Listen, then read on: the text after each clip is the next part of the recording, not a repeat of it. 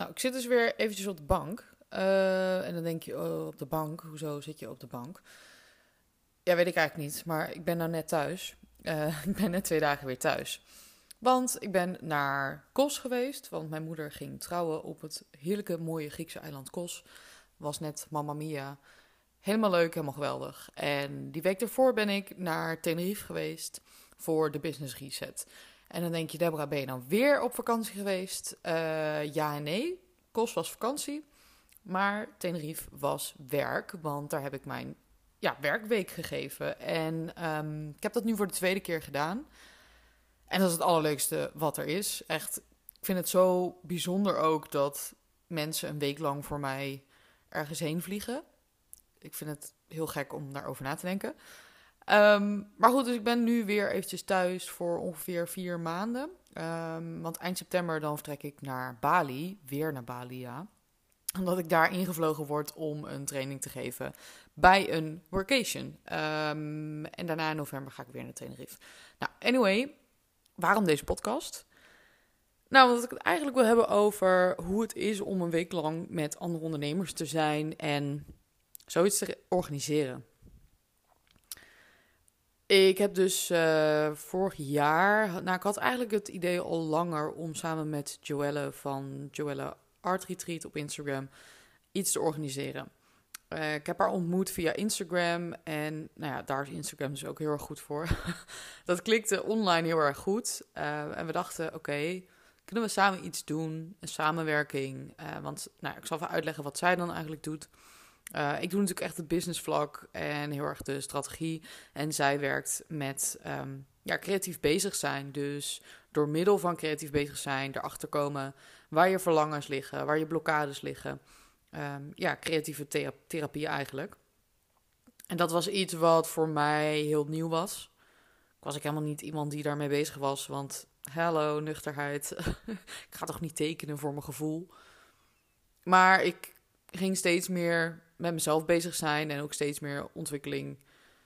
Ja, ontwikkeling in mezelf. Ik wilde gewoon verder en ik wilde kijken wat dat voor mij deed. Dus op een gegeven moment heb ik bij haar ook een sessie gedaan en dat deed zoveel voor mij dat, dat ik dacht: oké, hier moeten meer mensen wat mee doen. En die combinatie is gewoon super goed als je dat uh, samen kan doen. Dus echt hè, die businesskant, die strategiekant waar ik heel erg goed in ben. En juist dat stukje voelen. Uh, wat je als ondernemer ook vaak wel mist, omdat je in die red race zit en je zit in Nederland en je moet alleen maar presteren. Uh, waarbij je een beetje voorbij gaat. Hè. Je gaat verder dan jezelf en je gaat alleen maar nadenken over die doelen. Nou, dus in ieder geval, vorig jaar toen ben ik naar Tenerife gegaan um, om alles een beetje te regelen. En ook om met Joelle kennis te maken in het echt, want we hadden elkaar nog helemaal niet gezien. En dat klikte zo goed dat we echt, ja, ik denk dat ik kan, wel kan zeggen dat ze uh, een van mijn beste vriendinnen is geworden. Ook al zie ik er dus maar twee tot drie keer per jaar en spreek ik er alleen online. Dat klikte zo goed dat, ja, dat was gewoon een hele logische stap om alles meteen te regelen. En toen zijn we dat gaan doen. En um, ja, ik ben dus net een week weer terug van Tenerife. En we hadden dus een locatie, een andere locatie dan vorige keer. Dus die had ik ook nog niet gezien. Dus dat was ook nog even afwachten hoe dat zou zijn. Um, super toffe locatie. Met allemaal losse huisjes die op een locatie staan. Um, echt achter een bananenplantage. Super vet. Uh, iedereen had zijn eigen huisje, best wel groot huisje ook.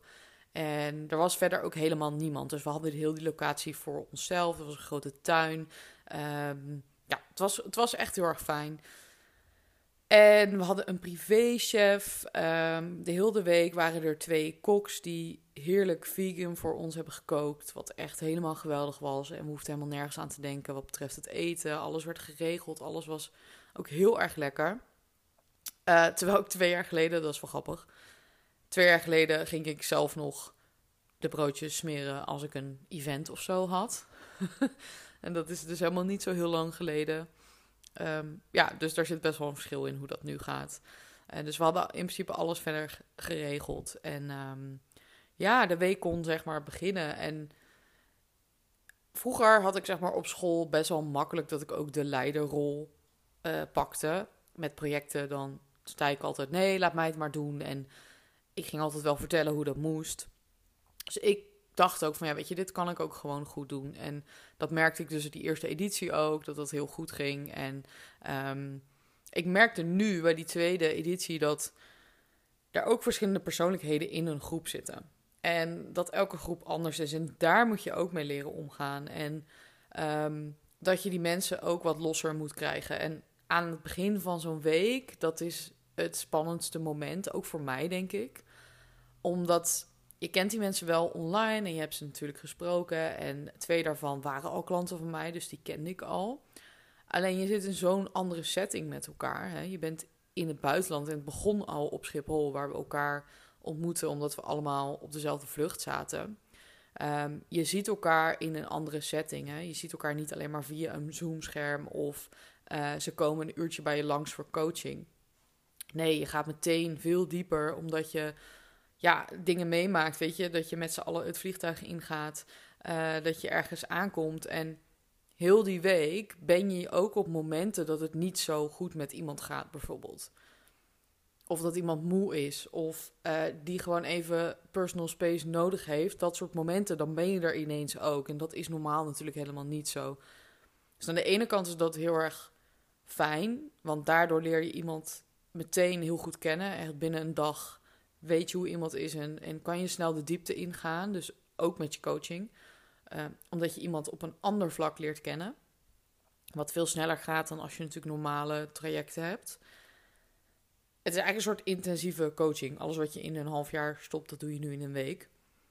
Maar aan de andere kant wordt het ook moeilijker daardoor, omdat je wel heel erg eerlijk naar elkaar moet zijn. En voor mij, hè, als begeleider, als coach, moet ik daar ook echt doorheen prikken. En mensen ook de kans geven om dat gevoel te uiten.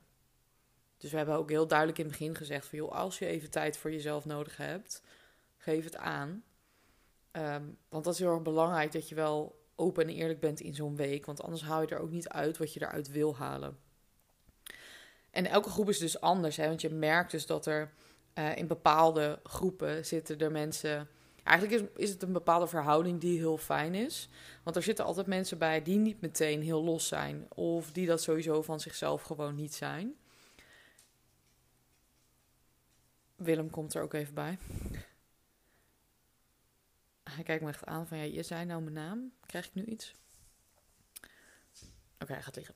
Um, nee, dus er zijn mensen die van zichzelf gewoon heel spontaan zijn. En die vinden het heel makkelijk om in een groep ook dingen te delen. Zijn heel open, heel spontaan. Maar dat is niet altijd zo. Hè? Er zijn altijd mensen bij die dat niet hebben. En dan is ook de kunst voor mij en voor Joelle om daar een beetje in te ja, als mediator te zijn. Dat je iedereen ook genoeg aandacht geeft. En dat iedereen aan het woord komt. Dat iedereen zijn ding kan doen en zich ook gehoord en gezien voelt. Dus daar hameren we ook heel erg op in die week. En dat we ook met zo weinig mensen zijn. Hè, meestal vijf, zes, meer willen we eigenlijk niet. Om zo iedereen ook de kans te geven om het volledige uit die week te halen. Maar ik merkte dus dat dat ook bij deze keer iets moeilijker was voor ons om die groep wat losser te krijgen en mensen open te krijgen. Er zaten echt blokkades en ja, dat is best wel intensief, want dan moet je heel erg aanvoelen bij mensen wat er dan gebeurt. En dan moet je heel erg doorvragen. Um, en in die vragen moet je ook mensen de ruimte geven om daar antwoord op te geven, om ze zelf te laten nadenken waar ze tegenaan lopen. En ja, ik ben natuurlijk ook uh, coach, dus ik moet ook al die rollen dan aannemen. Hè? Ik ben niet alleen maar daar met jou op reis, want het is niet, we zijn met vriendinnen op reis en het is alleen maar leuk en gezellig. Nee, ik ben daar ook als expert om jou wat te leren. Ik ben daar ook als coach en ik ben daar in verschillende rollen. En daarin moet je een soort van balans vinden. En ik merk dat het ging me eigenlijk best wel natuurlijk af. Ik dat heel fijn vond om te doen. Maar daar ben ik wel heel bewust mee bezig. Van oké, ben ik niet nu te veel die vriendin aan het zijn? Hebben we niet te veel lol? En moet er ook af en toe niet even weer wat coaching inkomen? Dus daar was ik heel bewust van. Um, dus ja, dat is ook wel een les als je denkt: ik wil zelf ooit zoiets organiseren, iets van een workation of een retreat. Dat het wel is dat je echt een groep moet kunnen begeleiden daarin en die verschillende rollen kunt aannemen. Het is ook heel intensief, maar ja, je krijgt wel heel veel gedaan in zo'n week. Uh, omdat we nu bijvoorbeeld ook al zien na anderhalve week, twee weken, dat mensen resultaten hebben behaald uit die week nu al. Iemand had al 5000 euro aan offertes de deur uitgedaan. Terwijl ze eigenlijk voordat ze het traject in wilde, uh, voordat ze meeging, zei ze: Ja, het is keuze maken deze week of ik doorga met mijn business of dat ik ermee stop. Dus dat is zo'n verandering die er heeft plaatsgevonden en dat is super tof om te zien. Maar niet alles gaat goed. niet alles gaat goed, want ik had dus die locatie nog niet gezien. Uh, ik had die mensen ook niet gesproken en verder, het was gewoon top geregeld. Uh, locatie was ook gewoon goed en leuke huisjes hadden we. Uh, en de meneer die daar was, die de eigenaar was, was ook heel erg aardig. Maar ja, er waren ook dingen die niet gingen zoals dat we wilden. Uh, bijvoorbeeld dat we kwamen om tien uur aan ongeveer, s ochtends. En we konden pas om twee uur die huisjes in. Ja, ik had het liever anders gezien en van tevoren werd aangegeven dat dat mogelijk was. Maar uiteindelijk kwamen we dus achter dat dat niet mogelijk was, want alles moest nog schoongemaakt worden. Ja, daar baal ik dan van.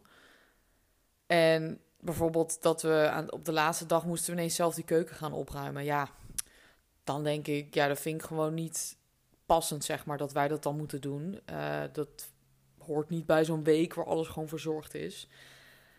Maar goed, dat hoort ook wel een beetje bij als je in Spanje dingen regelt. Hè? Alles tranquilo, mañana, mañana. uh, zo hadden we vorige keer ook bij de andere locatie dat de borg is gewoon nog steeds niet terugbetaald. Kregen we ook helemaal geen contact meer mee. Uh, terwijl dat was echt een super locatie. Dus ik vond het ook heel fijn dat Joelle erbij was. Want daarin zijn we een soort aanvulling. Want ik ben heel erg gefocust op het resultaat van de mensen die mee zijn. En ik raak dan ook een beetje gefrustreerd als ik merk dat dat dan niet meteen eruit komt. Uh, en dan stop, wil ik er ook te veel in stoppen. Dat merkte ik ook met voorbereiden, dat ik dacht...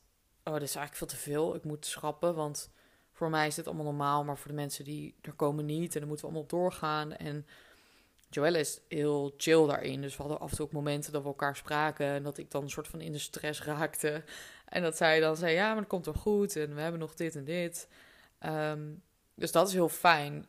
Maar ik merkte wel dat dat bij mij lastig was. Dat ik wil gewoon dat mensen er zoveel uit kunnen halen. En dat ze echt resultaat gaan zien. En ja, dat het toch ook wel hele grote verandering teweeg gaat brengen.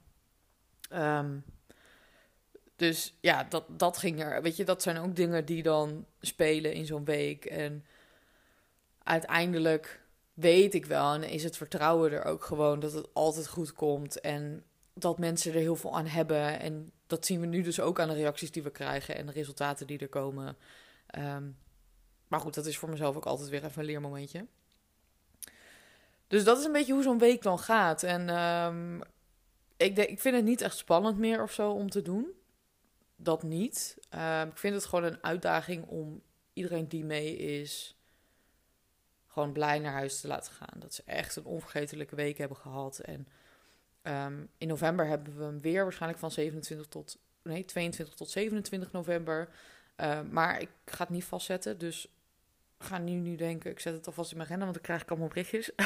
nee, dus, uh, maar je mag me natuurlijk wel een berichtje sturen als je denkt, nou, lijkt me echt super tof om te doen, om mee te gaan. Uh, want we hebben al wat mensen die uh, hebben aangegeven dat ze mee willen, dat ze interesse hebben. En we hebben dus heel weinig plek. Um, stuur me even een DM op Instagram, dan zet ik je alvast bij de lijst. En dan krijg je gewoon als eerste een berichtje als we een datum uh, hebben vastgezet. en dan kan je gewoon mee de volgende keer. In november is ook wel gewoon een lekkere tijd. Dan is het hier winter en koud. En in Tenerife is het gewoon nog 20 tot 25 graden. Helemaal top. kan je er even lekker tussenuit. En dan ja, let me know. Dus dat wilde ik gewoon eventjes uh, ook in een podcast een keer vertellen.